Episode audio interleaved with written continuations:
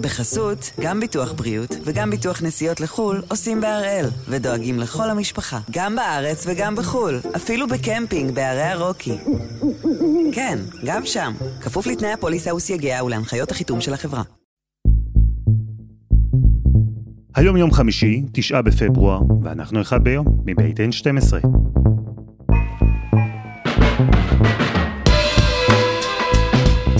אני אלעד שמחיוף, ואנחנו כאן כדי להבין טוב יותר מה קורה סביבנו, סיפור אחד ביום, בכל יום.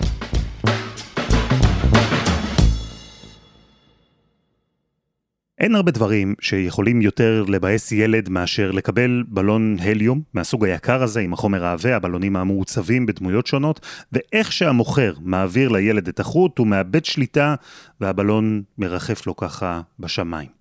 הכל בזמן שאימא מסתכלת במבט שאומר אין שום סיכוי שאני קונה לך עוד בלון. אל תחשוב על זה אפילו. ובאמת, בכל פעם שאני רואה בלון כזה עף, אני חושב על הילד שאיבד אותו. אבל כשתושבי מונטנה בארצות הברית הסתכלו השבוע על השמיים וראו שם בלון מרחף, הם חשבו על משהו אחר לגמרי. Well, what the heck is that? That's not the sun, and according to my little planet guide, It's not a planet. What the heck is that? I have no idea what it is. It's been there stationary for about the last 35 minutes. There's the moon. Right. And then there's that. What planet is that? כי הבלון שהם ראו לא היה מעוצב בצורה של חד קרן או בובספוג, הוא לא היה מהאלה שמוכר מחזיק בזר ענק של בלונים. הבלון שהם ראו היה בגודל של שלושה אוטובוסים. הבלון שהם ראו היה בלון לאיסוף מידע שהגיע לארצות הברית בכלל מסין.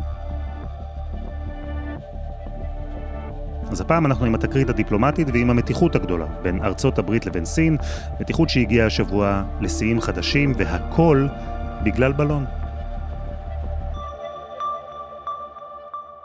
אסף יחזקאלי, שלום. שלום אלעד. אז ספר לי איך הבלון הזה הגיח לחיינו? שאלה מצוינת. יצא מסין, טיפס לאט לאט בגובה 60 אלף רגל מעל uh, האיים מיצר ברינג ואלסקה, שם בערך גם זיהו אותו בפעם הראשונה, ואחרי כמה ימים כולם התחילו לצלם אותו מעל uh, מונטנה. Says it is tracking what's believed to be a Chinese spy balloon spotted flying over Montana. בסופו של דבר, כשאתה טס בגובה של 60 אלף רגל מעל ארצות הברית, אתה טס מעל הרבה מאוד אתרים כל הזמן. אבל ספציפית, המסלול של הבלון הזה עבר מעל כמה וכמה אה, בסיסים אסטרטגיים אמריקאים, אה, כולל בסיסים גרעיניים, אה, כולל בסיסים של חיל החלל האמריקאי, של Space Force החדש. אנחנו מעריכים שבשלב די מוקדם הפנו אליו אותות שיבוש של לוחמה אלקטרונית, כדי גם לנתק אותו, אם היה לו קשר עם המפעילים הסינים שלו, וגם כדי לנתק את אה, מכשירי האיסוף עצמם. והסינים הם הודו, כלומר, שזה היה בלון שהגיע מהם.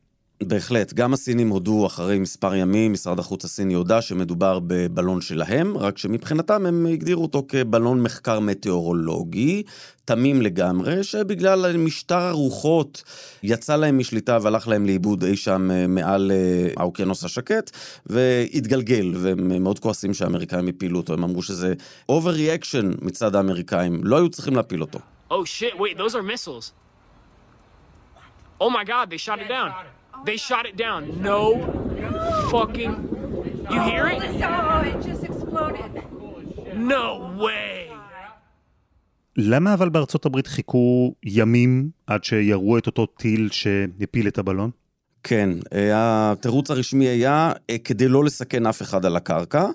אה, אני מניח שהתירוץ הפחות רשמי היה כדי לגרום, לנסות להפיל אותו בים באופן שאפשר יהיה למשות אותו, לחלץ שברים שאפשר יהיה ללמוד מהם, ואכן מה שנמשה מהים, ושכבר אנחנו רואים תמונות שלו, זה, זה משהו די, די גדול, הרבה יותר גדול מכל בלון מטאורולוגי שאנחנו מכירים, נשלח למעבדות של ה-FBI ושל ה-CIA כדי להבין מהם אותם מתקני הריגול, או מהם אותן מצלמות שהיו בו, ושלכאורה טסו מעל מונטנה, מעל ויומינג, מעל, מעל הסיילוס של הטילים הגרעיניים האמריקאים. ולפי מה שהאמריקנים רואים בבלון הזה, הם חושבים שיש משהו בטענה שהוא בלון לבחינת מזג אוויר, או שככה לא נראה בלון מטאורולוגי? בלוני מזג אוויר רגילים, גם הגדולים שלהם, לא מגיעים לקוטר של 60 מטר, אה, והם לא אה, נושאים עליהם מתקנים שיכולים להגיע למשקלים של כמה מאות קילוגרם. אה, בלוני מזג האוויר הרגילים, הטקטיים שאנחנו רואים, הם בלונים של כמה מטרים בסך הכל בקוטר, וכמה קילואים בודדים של, של משקל, שאחר כך נופל בדרך כלל בים. כאן ללא ספק מדובר היה במשהו עם יכולות אסטרטגיות אין חברה מסחרית בסין, ככל שאנחנו יודעים, שהייתה יכולה לייצר את הדבר הזה, ולכן מדובר בסבירות של 100% במשהו שהממשלה יצרה אותו. ואסף, מה כל הדבר הזה עושה ליחסים המתוחים ממילא בין סין לבין ארצות הברית? תקרית הבלון מעלה את מפלס המתח ביחסים בין uh, שתי המעצמות. קודם כל, כמו שראינו, היא גרמה לביטול של אה, הביקור המתוכנן של אה, שר החוץ בלינקן בבייג'ין. אנחנו נמצאים בתקופה מתוחה מאוד גם מבחינת טיוואן ומבחינת הרבה מאוד תרגילים צבאיים סינים בכל דרום-מזרח אסיה. קשה עדיין להעריך איך זה ישפיע על היחסים בין שי לבין ביידן. לא מתוכננת פגישה ביניהם בקרוב. אני מניח שנשיא ארצות הברית לא בדיוק נפל מהכיסא כשנכנס לחדר הסגלגל בכיר במערכת הביטחון ואמר לו שיש חשד שהסינים הפעילו מתקן ריגול. ביחסים בין מדינות, בטח בסדר גודל הזה, בטח המדינות האלה, זה ברור לכולם שיש ריגול. הדדי כמובן. אבל זה לא תמיד היה ככה. תוכנית הריגול של סין לא תמיד הייתה מאוד ברורה, היא לא תמיד הייתה מתקדמת או מאורגנת, והיא לא תמיד הופנתה כלפי ארצות הברית. וכן, מרגלים תמיד היו גם בסין, אבל דוקטור אורי סלע מהחוג ללימודי מזרח אסיה באוניברסיטת תל אביב, חוקר בכיר אורח במרכז למדיניות ישראל-סין ב-INSS, מספר שסיפור הביון שבין סין למערב התחיל בימים שבהם העולם מתכונן למלחמה, והמערב היה צריך להבין, כמו שאומרת הקלישאה, מי נגד מי. אם uh, בסוף המאה ה-19 או בראשית המאה ה-20, uh, סין הייתה פחות על הרדאר נקרא לזה, האמריקאי וארצות הברית פחות על הרדאר הסיני, בהדרגה, ככל שאנחנו מגיעים אל, אה, באופן מיוחד, שנות ה-30, שנות ה-40, ריגול אה, הדדי שכזה הפך להיות הרבה יותר אה, אטרקטיבי או רלוונטי. באותם השנים, אגב, המפלגה הקומוניסטית, שהיום היא, כן, הנמסיס הגדול של ארצות הברית, המפלגה הקומוניסטית הסינית לא נחשבה בהכרח לדבר בעייתי. או גרוע מבחינת האמריקאים, ולמעשה האמריקאים מנסים להבין מי נגד מי שם בסין, זה בשנות ה-30, מלחמת העולם השנייה מביאה לנוכחות אמריקאית מסיבית בסין, וגם מביאה להכרה או להבנה בארצות הברית שחשוב גם ללמוד את השפה הסינית, כי מודיעין או ידע על המרחב הזה לא יכול אה, להתמקד רק בזה שיש אה, כמה עיתונאים שמסתובבים שם ומדברים באנגלית עם מתורגמנים. ושם בעצם אנחנו רואים את ההתחלה של הניסיונות גם מצד ארצות הברית להבין מה קורה בסין, דרך אה, השגה ואיסוף של אה, מודיעין, סוכנים וכיוצא באלה, וגם מצד שני ניסיונות של אה, סין לבוא ולחשוב איך הם יכולים לאסוף יותר ידע על ארצות הברית. כלומר, האמריקאים רצו אז, בשנות ה-30 וה-40, להבין מה סין רוצה להיות, באיזה צד היא עומדת. אולי לא רק או לא בעיקר כי סין כל כך עניינה אותם, אלא בעיקר כדי ללמוד על האויבים האמיתיים של אותה תקופה.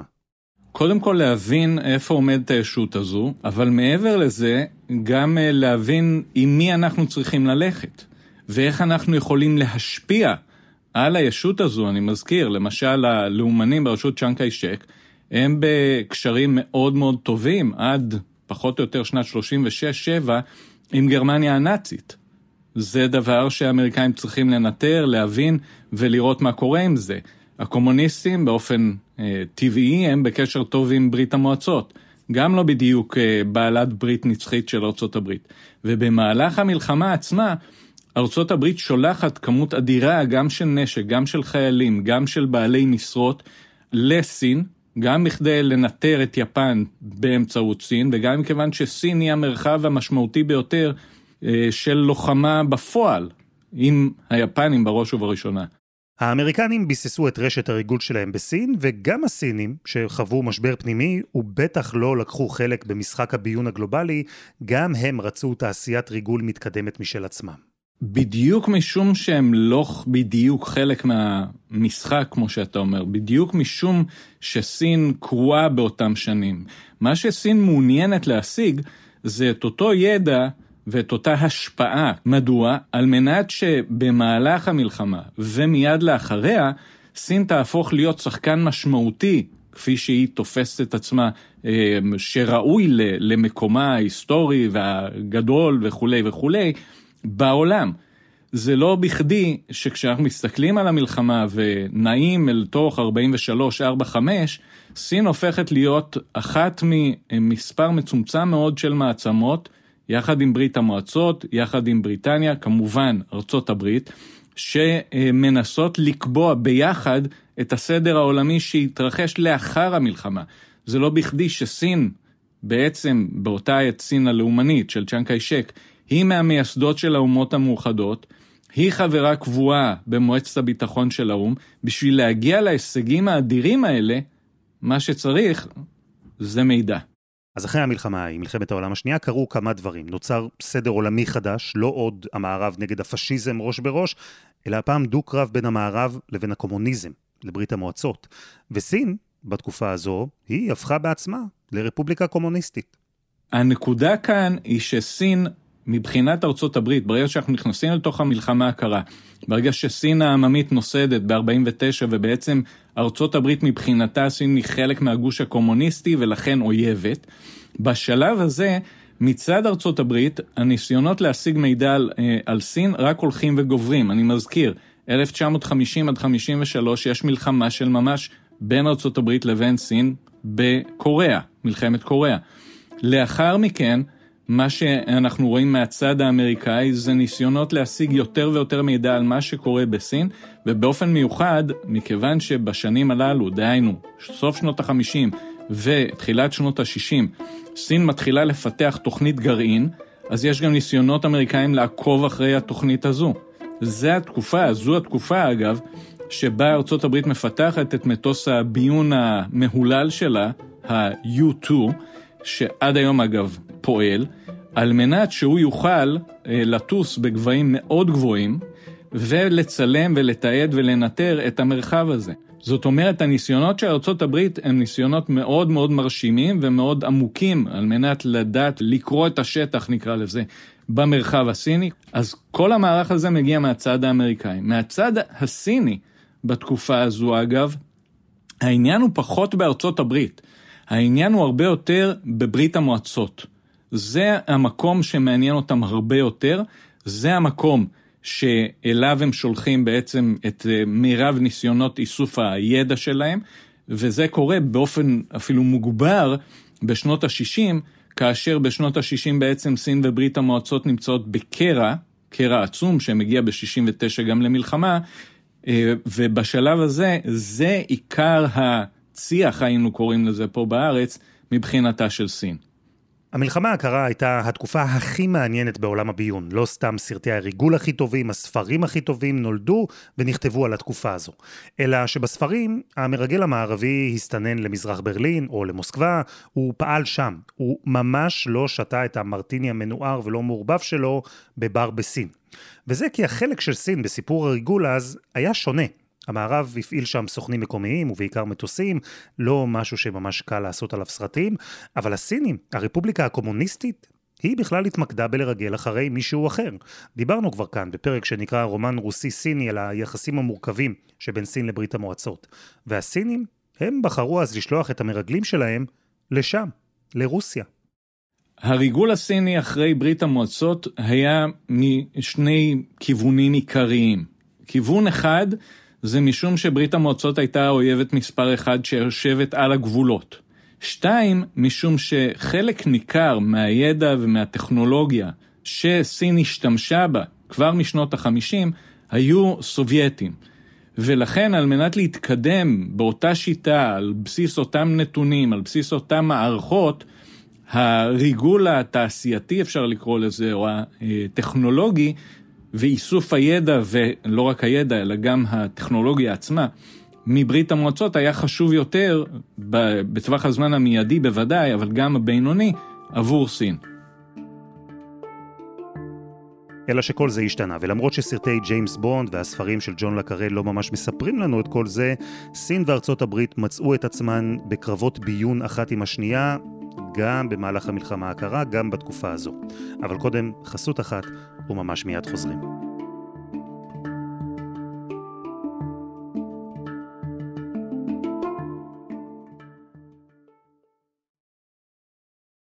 בחסות, גם ביטוח בריאות וגם ביטוח נסיעות לחו"ל עושים בהראל, ודואגים לכל המשפחה, גם בארץ וגם בחו"ל, אפילו בקמפינג בערי הרוקי. כן, גם שם, כפוף לתנאי הפוליסה וסייגיה ולהנחיות החיתום של החברה.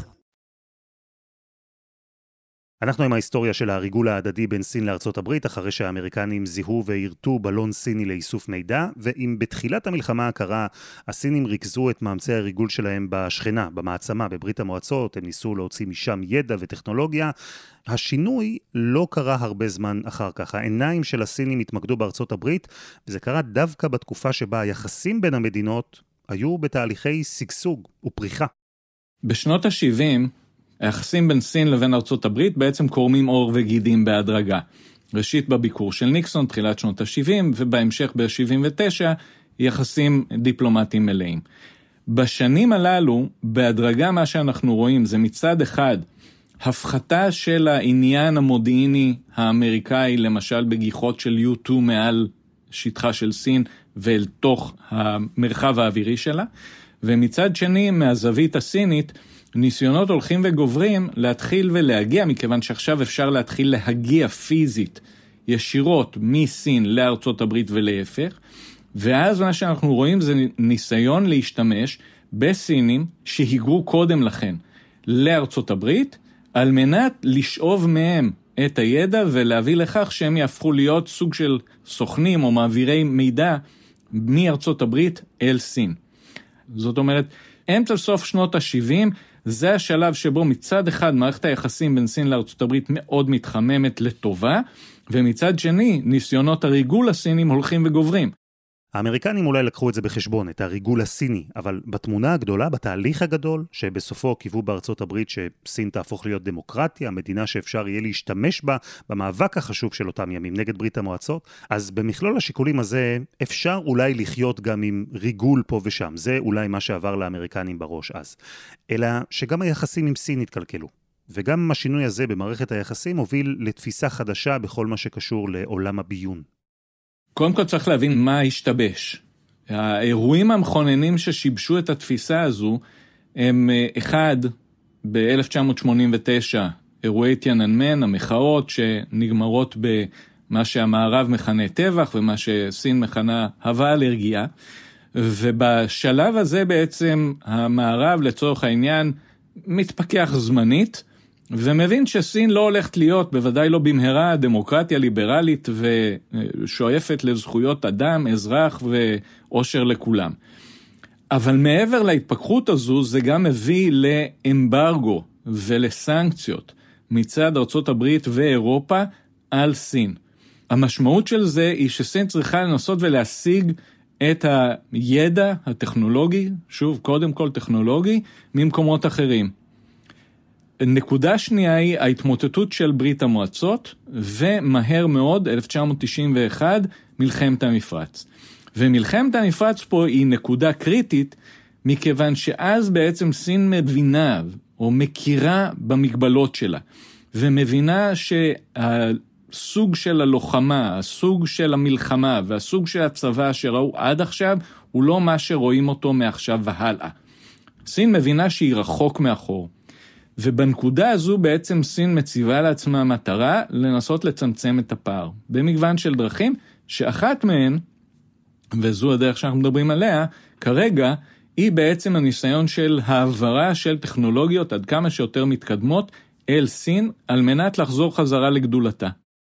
זה לא רק שהאמברגו והקריסה של ברית המועצות השאירו את סין בפיגור טכנולוגי, אלא הסינים ראו פתאום את הצבא האמריקני נלחם בעיראק במלחמת המפרץ, והבינו בדיוק עד כמה הם מפגרים צבאית וטכנולוגית. הסינים במשך שנים התמקדו בריגול במטרות אזרחיות, כלכליות, לא צבאיות. וכשהסינים הבינו את מגבלות הכוח שלהם, ובמקביל האמריקנים בכלל היו עסוקים במלחמה במזרח התיכון, אז בתקופה ההיא, באופן טבעי, שתי המדינות היו פחות פנויות לריב אחת עם השנייה.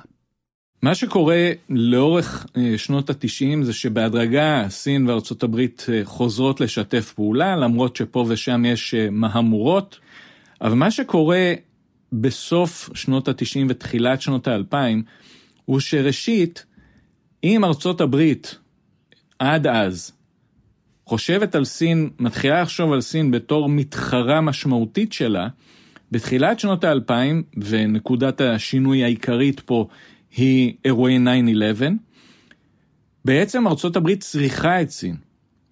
ארצות הברית צריכה את סין כי היא צריכה את סין לטובת אה, מועצת הביטחון, החלטות של מועצת הביטחון על מנת לצאת למבצעים שונים, על מנת לי, לשלב את סין בתוך מה שמכונה המלחמה העולמית בטרור.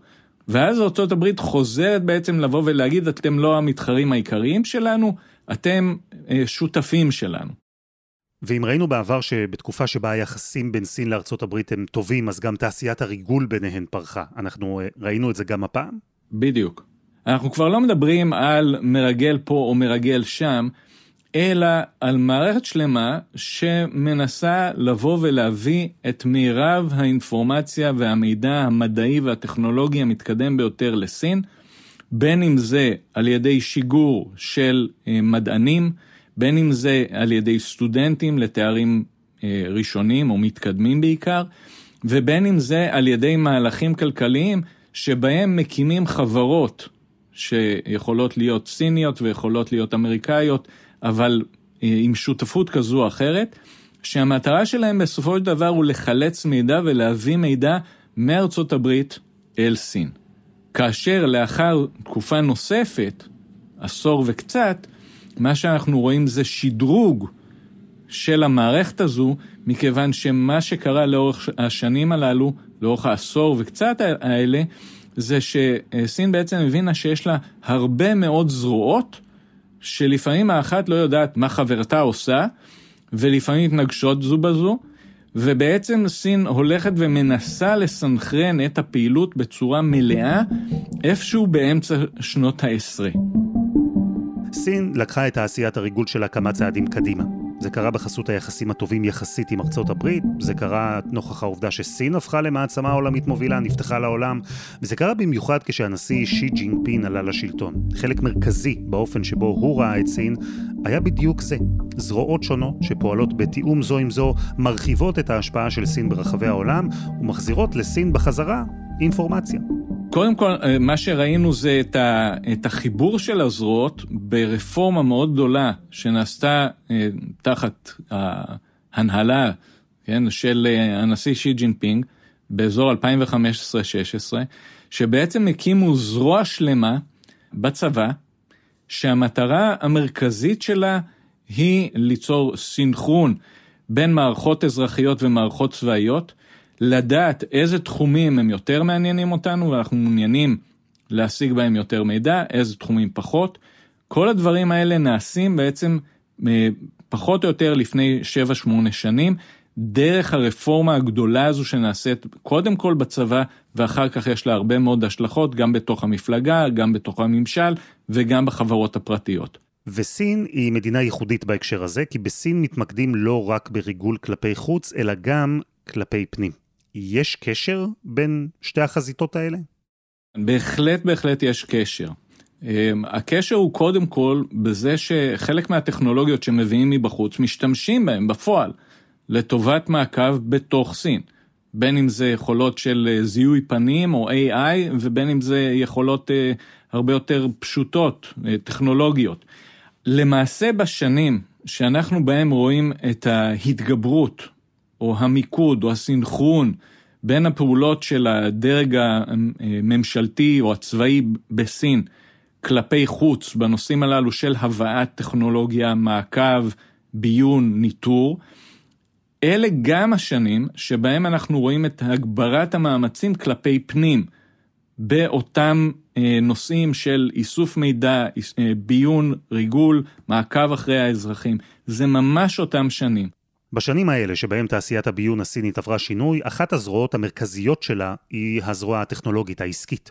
רשתות סלולר מתקדמות למשל. לפני שנתיים התעוררה סערה גדולה בבריטניה על תשתית ה-5G שהקימה במדינה חברת וואוי הסינית.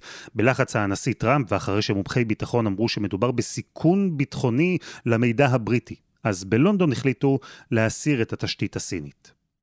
קודם כל הנושא למשל של ה-5G הוא בהחלט משתלב בדיוק בתוך המערכת ההוליסטית הזו ברמת הפוטנציאל. צריך פה לזכור, אנחנו, אין לנו איזה אקדח מעשן בעניין רשת ה-5G, אבל יש יכולות שמגיעות עם הרשת הזו. ואגב, זה לא רק 5G. אם אנחנו נחשוב לצורך העניין, אה, אפילו על דברים אה, הרבה יותר, אה, הרבה יותר בנאליים, כמו למשל עמודי תקשורת, כמו למשל אזורים שבהם מנתבים את תשדורת האינטרנט. סין רכשה לאורך השנים, בוודאי בעשור האחרון, המוני ראוטרים כאלה, נקרא לזה בפשטות, שמנתבים מידע ב- בתוך ארצות הברית. זאת אומרת, הפריסה כאן היא עצומה. וללכת ולקחת את זה אחורה, עכשיו, מבחינתה של ארצות הברית, זה מהלך מאוד מאוד בעייתי, גם מבחינה חוקית או חוקתית, אבל גם מבחינה כלכלית. שוב, האינטגרציה או החיבוריות העצומה בין סין לבין הברית היא אפילו ברמה הזו של איפה עובר המייל שלי. אלא שלא כל העולם מקשיב כך לארצות הברית, לא כל העולם בוחר להתנתק מתשתיות סיניות. להפך, התעשייה הסינית ממשיכה לצמוח, ואלו לא רק תשתיות. קחו לדוגמה את טיק טוק, האפליקציה הסינית. גם היא העלתה חשש במערב שמדובר בעצם בכלי מודיעיני של סין. הסינים מציעים לעולם תשתיות טכנולוגיות זולות, אמינות, בסדר גודל שמעט תאגידים או אפילו מדינות יכולות לייצר, והרבה מדינות בוחרות בהם. גם אם לוקחים בחשבון שבתוך המחיר גלום גם מתקן קטן שבסוף יעביר אינפורמציה לבייג'ין. אבל אורי, אני מוכרח לשאול אותך, אפרופו מה שראינו השבוע, עם כל היכולות הסיניות המתקדמות, בלון ריגול זה הדבר הכי יעיל, הכי מוצלח שהם היו יכולים לשלוח לארצות הברית? שוב נשאלת השאלה איזה בלון זה. אבל אה, כשמדברים על הבלון אגב, יש את הדבר שהוא לכאורה המובן מאליו, אם הם שיגרו בלון ונניח שזה בלון ריגול, אז המטרה שלו היא לנטר איזה שהם דברים מעל ארה"ב ולשלוח את זה לסין. יש את אלה שבאים וטוענים, זה בכלל לא הנקודה, הבלון הזה הוא בלון ניסוי.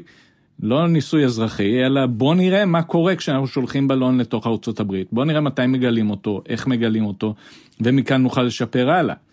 זו גם טענה. מה נכון אין לי מושג מן הסתם. אני מעריך שיש, שאם באמת סין שיגרה את הבלון הזה בכוונת מתכוון, הניסיון הוא הרבה יותר מקיף ועם רציונל הרבה יותר עמוק מאשר סתם לשגר אה, בלון, ויכול להיות שהוא באמת גם פשוט סטה מנתיבו ואין לו שום קשר לנושאים של ריגול. כך או כך, אחרי שראינו שפרשיות הריגול לא פעם אה, משפיעות ומושפעות מהיחסים הגדולים יותר בין שתי המדינות, מה תקרית הבלון עושה ליחסים שבין סין לארצות הברית? תקרית הבלון הזו מגיעה בשלב מאוד עדין ושביר של היחסים. ממש במקביל להופעה של הבלון הזה, הייתה אמורה להתקיים בסין פגישה בין אה, מזכיר המדינה, בלינקן, לבין אה, שי ג'ינפינג ואחרים בכירים בסין. הפגישה הזו תוכננה מתוך ניסיון בעצם לבוא ולהביא לאיזושהי הסכמה, לאיזושהי הבנה בין שתי המעצמות לגבי התחרות ביניהם, לנסות להציב להם איזשהו רף תחתון או קו אדום. לבוא ולהגיד אוקיי, מה אנחנו לא נעשה, מה אנחנו מוכנים לעשות, איך אפשר לשפר לפחות גם את התקשורת בין שתי המדינות. כתוצאה מתקרית הבלון הזו, בלינקן באופן מיידי כמעט ביטל את הביקור שלו בסין. אגב, הוא היה לא רחוק, הוא היה בדרום קוריאה. זה היה טיסה קצרה, אפילו לא צריך לישון. אבל הוא ביטל כמעט מיידית את הביקור שלו בסין. הממשל האמריקאי פתח בסדרה של האשמות מאוד נוקשות כלפי סין בהיבט הזה של ריגול, ביון וכולי, וכמובן חדירה, שאת זה אפשר להכחיש, למרחב האווירי האמריקאי. ובעצם כל הניסיונות להידברות, לתקשורת ולהצבת אה, אה, רף תחתון שכזה נעצרו, ועכשיו השיח בין שתי המעצמות חזר להיות שיח מאוד נוקשה, אז כל הדברים הללו הם חלק מהסיפור, כלומר המאבק הזה כרגע כתוצאה מהבלון וגם אם זה סתם בלון, המאבק הזה רק החריף. דוקטור אורי סלע, תודה רבה. תודה אלעד. ותודה לאסף יחזקאלי. וזה היה אחד ביום של N12, אנחנו מחכים לכם בפייסבוק, חפשו אחד ביום הפודקאסט היומי. העורך שלנו הוא רום אטיק, תחקיר והפקה רוני ארניב, עדי חצרוני ודני נודלמן. על הסאונד, גל רודיטי, יאיר בשן יצר את מוזיקת הפתיחה שלנו, אני אלעד שמחיוף, ואנחנו נהיה כאן שוב, גם בשבוע הבא.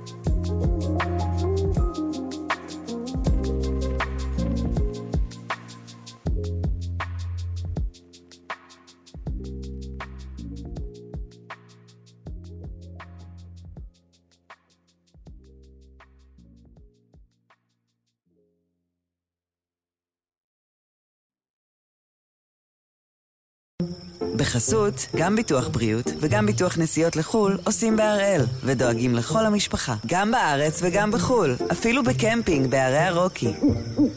כן, גם שם, כפוף לתנאי הפוליסה וסייגיה ולהנחיות החיתום של החברה.